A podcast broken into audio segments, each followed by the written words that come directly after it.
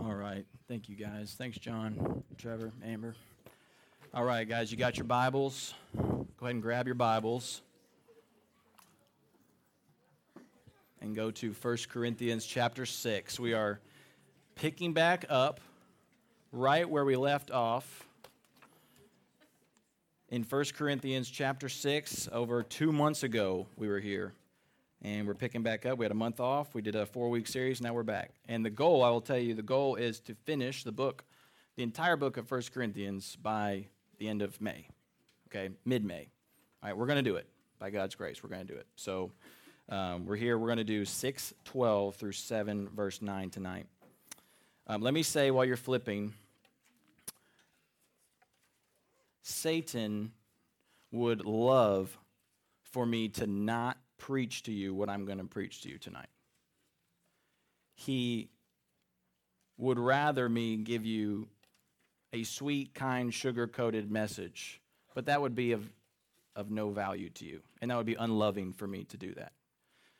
Um, we're going to talk tonight about something serious, about what the Bible says about God's design for sex and sexual sin. And um, the enemy would just love for you not to hear about that. And so tonight we're not going to beat around the bush. Um, we're going to be straightforward and we'll be as applicable and widespread as possible in, in um, letting it land on everybody. This is a this is a a passage of scripture which is useful for the 11 year old in the room and all the adults in the back. And so this is going to hit all of us. And so as we uh, move forward tonight, why don't we just pray and ask for God's help that He would open up our, our hearts to, to hear and be changed. So let's pray, and then we'll get started. Father, we love you. We love your word. Uh, we love that your word is powerful and that it is living and active, and it is sharp, sharper than a two edged sword. It pierces uh, division between joint and marrow, soul, spirit, and divides every intention of our heart and exposes so much in there. And so we pray you would expose our hearts. Let us lay our hearts bare before you. Um, let us be open to your word and let the Holy Spirit have his way in this place tonight and make us like Christ. We pray in Jesus' name. Amen. All right. We live in a sex sex crazed culture. Everywhere you turn, there it is. You go to the grocery store, Kroger, you got sexualized magazine covers right in front of you. TV shows normalize sex before marriage and normalize homosexuality. Social media has made access to sexualized pictures and videos nearly instant. Cohabitation, which is living with someone of the opposite sex before you are married, cohabitation is very normal in America. Homosexual marriage is legal in all 50 states and has been for four years. Sleeping with someone before you are married is celebrated in the world and pressured on you before you get married. Abortion is legal so that couples can have sex without consequence, and they will kill their unborn child just to be able to not have the consequence. Pornography is a multi billion dollar industry making more money than NFL, MLB, NBA combined. We live in a world that encourages and rewards sexual impulse. And it has not just affected unbelievers, it has affected the church. It's affected the people of God. It affected the people in Corinth.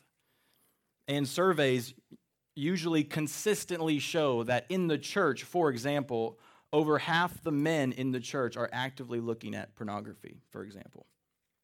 And numbers are increasing for women as well. So you might be asking, what does the Bible say? What does the Bible say about God's design for sex, sexual sin? And let me just tell you from cover to cover, literally from Genesis 1 and 2 to Revelation, this, this book is full of words, God's words about the, this subject. In nearly almost every book of the Bible, you will find this subject addressed in some form or fashion. And not in one place, not one place will you find God advocating or celebrating sex before marriage? Not one place. And so it has a lot to say. Now, let's get everybody on the boat. Okay, let's get everybody in the boat before you think this doesn't uh, may not apply to you. Everybody is in the boat. We are all sexual sinners. Let me explain what I mean. Everyone has fallen in this way, either externally with our actions or internally with our hearts and our minds. We are prone to wander away from God's design for sex, for marriage, with our minds, our purity, and our thoughts, and we need to be restored. And this text, the Bible, is going to help restore us. And I pray that, that this will help you run from sexual sin and run to Jesus, who can restore you. That's the main charge tonight, that you would just run from the temptation of sexual sin and run to Jesus, who can heal and restore you. So that's where we're going tonight. There'll be three points there's about 20 verses. Points one and two are going to be from 12 to 20, and then point three, which will be a smaller point, will be from chapter 7, 1 to 9. So let's let's dive in. We're going to first read 1 Corinthians 6, 12 to 20, and see what God has to say to us tonight. It says this in verse 12 All things are lawful for me, but not all things are helpful. All things are lawful for me, but I will not be dominated by anything. Food is meant for the stomach, and the stomach for food and God will destroy both one and the other. The body, listen closely, the body is not meant for sexual immorality, but for the Lord, and the Lord for the body. And God raised the Lord and will also raise us up by his power. Do you not know that your bodies are members of Christ? Shall I then take the members of Christ and make them members of a prostitute? Never. Or, God forbid, some of your translations might say. Or do you not know that he who is joined to a prostitute becomes one body with her? For as it is written, the two will become one flesh. That's quoting Genesis 2. But he who is joined to the Lord becomes one spirit with him. Flee from sexual immorality. Every other sin a person commits is outside the body, but the sexually immoral person sins against his own body. Or do you not know that the body is a temple of the Holy Spirit within you, whom you have from God? You are not your own, for you are bought with a price. So glorify God in your body. All right. So the very first point that we have, the first truth that we will see in um, verses 12 to 17 and 19 to 20, kind of bookends, is this that God designed your body for Him. God designed your body for Him. So, Corinth is a very sexualized culture, just like America. Homosexuality is uh, approved of. There's people having sex before marriage. Prostitution, as, as you've seen in the uh, text there, is common among them. And so, this is people in the church. And so, it's a timely word for them from Paul, and it's a timely word for us in America as well. And look with me in verse 13 where he says, The body is not meant for sexual morality, but for the Lord so, what I first want to do is we need to define sexual immorality. That would be helpful for us. And sexual morality is this any kind of sexual expression, thought, or behavior outside the boundary of marriage between one man and one woman for life. Okay? Any sexual expression, thought, behavior outside the boundary of marriage between one man and one woman for life. So any, anything outside of that is not God's design for you, okay, in regards to sex. This includes, but not limited to, having sex before marriage, sleeping with someone who is not your spouse while you are married, viewing pornography, which is, if you don't know anything sexually explicit, whether in pictures or videos, having any lustful or sexual thought over someone else that is not your spouse, any homosexual behavior of any kind. How about this? Speaking anything sexually immoral is counted in sexual immorality, and dressing immodestly to arouse lustful thoughts is sexual immorality as well. So notice first that the body is not meant for in verse 13, not meant for sexual morality. So this is very important because what this is saying, what God is saying, is that you were not made for sexual impulses. And what I mean by that is that is not your identity. Okay? Everybody hear me? Your sexual impulses are not an identity. You were not made to serve your broken sexual desire. You were not made for that. So, your friends, and when you turn on Netflix, they are going to tell you that your sexual desire is your identity. It's who you are. So, whatever impulse you have, you should embrace because it would be wrong not to. That's the message that you will hear because that's who you are. And you should be true to yourself. That is wrong. That is unbiblical. It is not holy. It is not God's design for you, and it will leave you empty, not fulfilled. It will leave you broken, not joyful. And it is against the Lord. And this is because you were not made to serve your sexual impulse. You were meant to serve King Jesus. That is why you were made. Okay, you are meant to serve King Jesus, not an impulse. All right, so you were not made for sexual immorality. And it says that the body is also for the Lord. Okay, so the Lord has designed us. So, what this means is that if the body is for the Lord, that means that the Lord has authority over our bodies and what we do with them. So, you do not have authority over your body. You do not get to decide what you do with it. Right? You have been given instructions what you are to do with it. It is God who has given you your body by Him and for Him, for His purposes.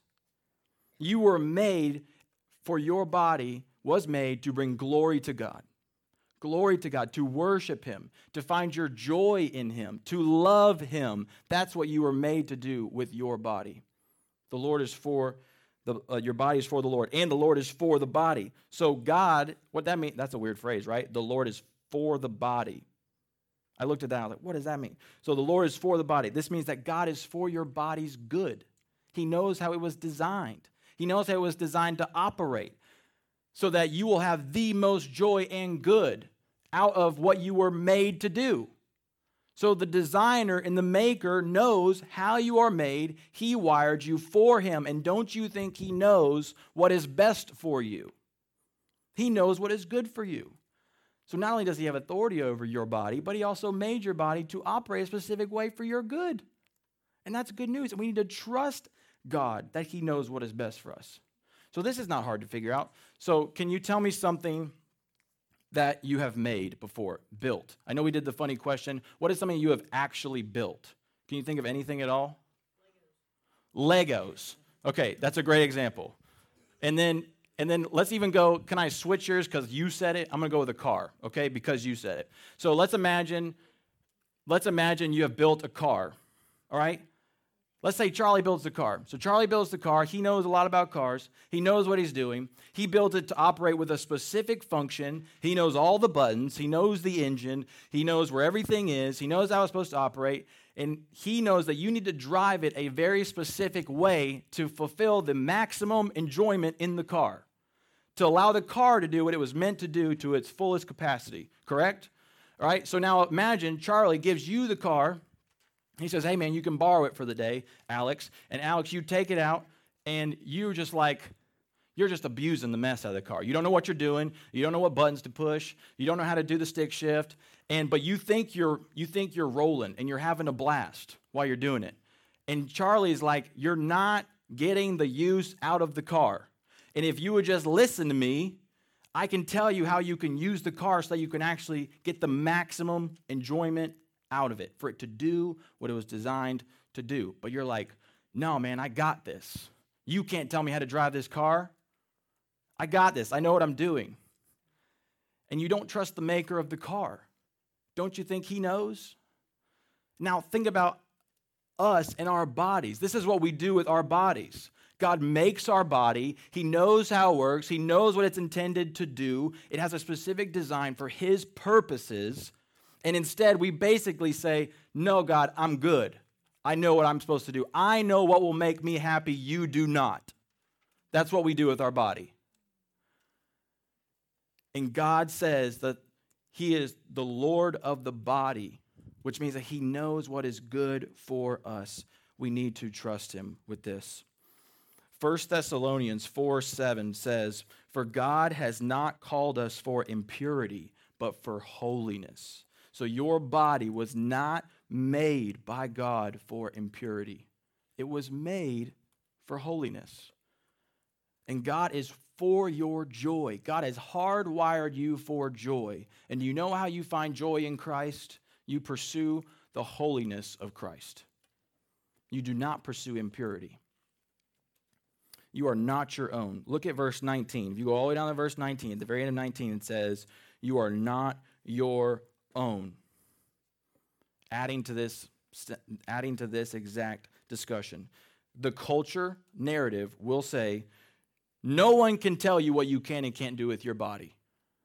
You are in control of your body. You are the author of your script. You are the master of your fate. No one can tell you what you, you can do. Women, you're going to get told your whole life, no one can tell you what you can do with your body. And that's why abortions exist. Is because we say we are in authority over our bodies. And the Bible is saying, no, you are not.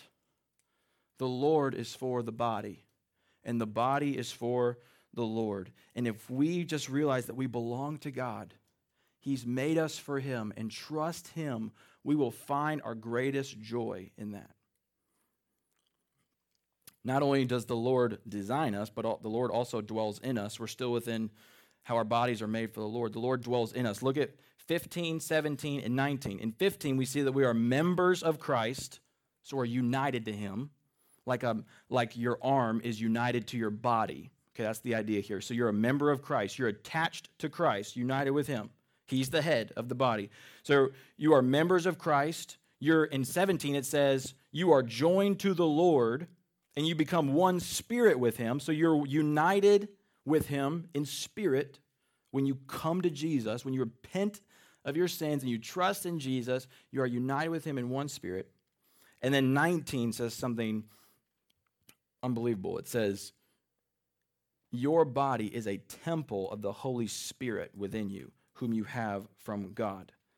So now, when you come to Christ, when you put your faith in Jesus for salvation, Ephesians 1:13 says that the Holy Spirit of God, the third person of the Trinity, Father, Son, Holy Spirit, the Holy Spirit comes and dwells in you. Okay? So now your body is now a temple a holy space for the living God. And the word temple is very intentional because the word temple is a reference to the Old Testament temple. And in the Old Testament, if you were to read through the story of the Israelite people, they build the temple, and in the temple was the place where the glory and the presence and the power of God was. And so it was where the people would go to actually be in the presence of God. And the, the holy temple was designed for a very specific purpose. It was not to be desecrated, it was not to be used for anything else, but making sacrifices, purifying yourself so that you could come into the presence of the Lord. That's what it was designed to do. So now, this picture of us, we are now the holy space for the power, the presence, and the glory of God, which is now in you through the Holy Spirit. The same glory that filled the temple is now living in you. That's amazing. Christ in you, the hope of glory, Colossians 1:27. So think about this. Like like if you were an Israelite back in the Old Testament, if you were an Israelite, you could not just like stumble into the temple with your bag of Taco Bell and put your feet up and start eating in the temple and getting fire sauce all over the place. You couldn't do that. You got to go eat. You got to go eat your fast food outside in your tent because this place is a space reserved and set apart for the holy purposes of being in the presence of Christ. And so now think about your body being a holy space for the living God, which means that the use of your body is very important. Because now it means that the use of your body is not designed to do whatever you want it to do, it is designed for holy purposes. We are called to use our body for holy purposes. And it also means that wherever we go, Christ goes with us. Which means that if you are watching TV at midnight, Christ is with you. It means that if you wander onto Snapchat, Christ is with you. That if you get on TikTok, Christ is with you. Girls, when you wander off alone with a guy, Christ is with you. Guys, when you are texting a girl, Christ is with you. This matters because your body is a temple of the holy living God for holy purposes. It matters what we do with our bodies. Use your body for the Lord. Use it to love and serve others. Use it for obedience. Use it to encourage others. Use it to risk your life for the gospel. Use it for Jesus. Use it to share the gospel, which many of you are doing. Use it for Him this week. Do not use it for your own selfish purposes and to sin and to sexually sin with your mind or heart or body. But look at how God restores the body. Look at verse 20. Look at verse 20. It says, You are not your own, you were bought with a price. Do you know what the price is? You know what you were purchased with? You were purchased with the blood of Jesus. The word price doesn't imply like any price, it implies a costly price. Your body was purchased with the blood of Christ. And why is that important to you? You say, well, I don't understand. Why is that important? Jesus shed his body, shed his blood, broke his body on the cross for you because your body and your desires are broken. Okay? And our broken desires are sinful, and now we deserve punishment in hell. So instead of us taking the punishment, Jesus breaks his body for our broken body and dies in our place and purchases you to be in his family so that now you can have a new heart so that the power of sin in your life is diminished, and the presence of sin in your life is diminished, and the punishment for sin is gone. And now you have a new heart where now you can live for Jesus and now restore, and, and God now restores his design for your life. So now you can live as you were actually meant to live with your body. Jesus restores the design for you and how you are to use your body to glorify the Lord. This is so, so important. Okay, so because our body is for the Lord, that leads us to our second point, which is sandwiched right in the middle of these two sections in verse 18. And our point is very simple run, run from sexual sin. Verse 18. Verse 18 is the first command you get to in this section that we just read. It says, Flee, flee from sexual immorality. Every other sin a person commits is outside the body, but a sexually immoral person sins against his own body. Just basically saying the sin of sexual sin is very unique. It affects the whole person body, soul, spirit, heart, mind. It affects all of you. And we are called to run. Flee means run. Okay? So the word run means avoid at all costs. Get out of there. Do not hang out where the sin is. That's what it means. Do not linger around the sin. So we run for at least two reasons. We run because our flesh is weak. That's why we run, because your flesh is weak.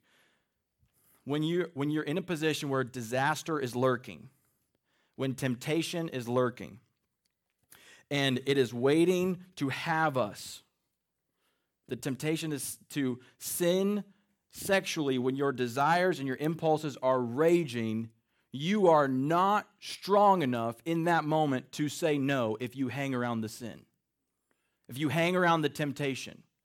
If you cannot be in your room with your computer without falling, you need to run or smash the computer. Okay? You need to get out of the situation because your flesh is not strong enough to say, no.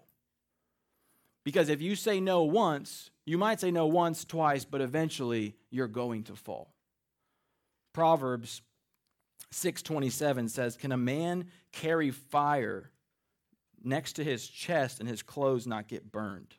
Talking specifically about lust.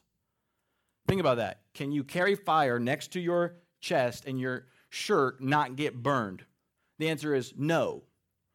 And basically, this is where we get the phrase playing with fire, you'll get burned, right? This is, this is that. If you're trying to contain a forest fire, you'll just burn the whole forest to the ground, or a little bonfire in the forest, it'll just spread. This is what happens with lust and sexual sin. We cannot control it in our own strength. Let me give you a little illustration here. So imagine you have not eaten in three days, okay? And someone sets you in a room, you're starving, right? You haven't eaten in three days. You got, some of you can't even imagine such a thing. And you sit in this room, and someone sets down in front of you a fresh 30 count Chick fil A nuggets, okay? And it is right there in front of your face and they say, Don't touch this, I'll be back in three hours. And they leave. How strong is your flesh in that moment? I don't know about you, but I'm done. My flesh is saying no, okay? My flesh is weak. We're not, you are not going to be strong in that moment unless you just like hate Chick fil A. But, but we know that that's not true. So we know that that would be almost impossible. Now, listen, listen. Even that is not a very good illustration because if you eat the nuggets, that's not really sinning. You're not doing anything that's going to hurt your soul. You're just hungry. But it is a great way to think about your sexual temptation because if you just hang around the temptation, you're not strong enough to say no. And that sin can kill you. Not just not just happen to you, it can actually kill you. And Jesus had to die for that sin. And that sin can drag you away from Jesus and it can destroy your intimacy with, with God who loves you. We, we don't have the ability to say no. So, this is why we run I got to show this illustration. And I forgot, Renee, to put the picture up. So I'm bummed about that. But this illustration is still great. So Renee found this article three days ago, four days ago, of a man in Kentucky that was looking for his car keys in his couch and found a six foot boa constrictor in the couch cushions. Okay? Alive. Right? It was a boa constrictor, is that correct? Okay, great. So I don't know about you.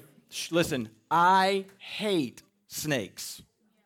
Terrified. The thought of it right now of finding a snake in the couch is giving me anxiety and goosebumps, okay? Shh, listen, if I was to reach for my car keys and I felt what felt like a snake, especially a big snake, I would have run out of the house as fast as I could. I would have run down the street I would have run out of my neighborhood in fear. And a lot of you probably would have too. Now, listen, if you are sitting, if you are sitting near sin and it can kill you, you need to run. You should not just play with the snake or sit on the couch when you know a snake is in it. And the snake is Satan. He is a serpent for a reason. And he's crafty and he's smart and he will make sin look enticing to you and agreeable to you and you'll justify it, but you must run. You should not rationalize it, you should run from it as fast and as far as you possibly can. That's what you are called to do. And we run because our flesh is weak. 2 Timothy 2:22 says, "Flee youthful passions and pursue righteousness, faith, love, peace, not in isolation, but along with those who call on the Lord from a pure heart." You don't just run from sin, you run to Jesus. You run towards Christ. And Christ can help you and give you the strength to fight your sin. So we run because our flesh is weak, and then we run because sin is deadly, which we have already begun talking about. Matthew 5, look at this. This is, whew, this is serious words from Jesus right here. Matthew 5, 27 to 30 says, You have heard it said, You shall not commit adultery. But I say to you that everyone who looks at a woman with lustful intent has already committed adultery with her in his heart. If your right eye causes you to sin, tear it out and throw it away. For it is better that you lose one of your members than your whole body be thrown into hell. If your right hand causes you to sin, cut it off and throw it away. For it is better that you lose one of your members than your whole body go into hell. So, is Jesus telling us to literally cut off hands and arms and pluck out eyes? Is that what he's really telling us to do? What he's really telling you to do is that you must cut off the source and the root of your sin. And this is about lust. So you cut off lust at the root so that it does not kill you and drag you, like Jesus said, not Mark, like Jesus said, drag you into hell.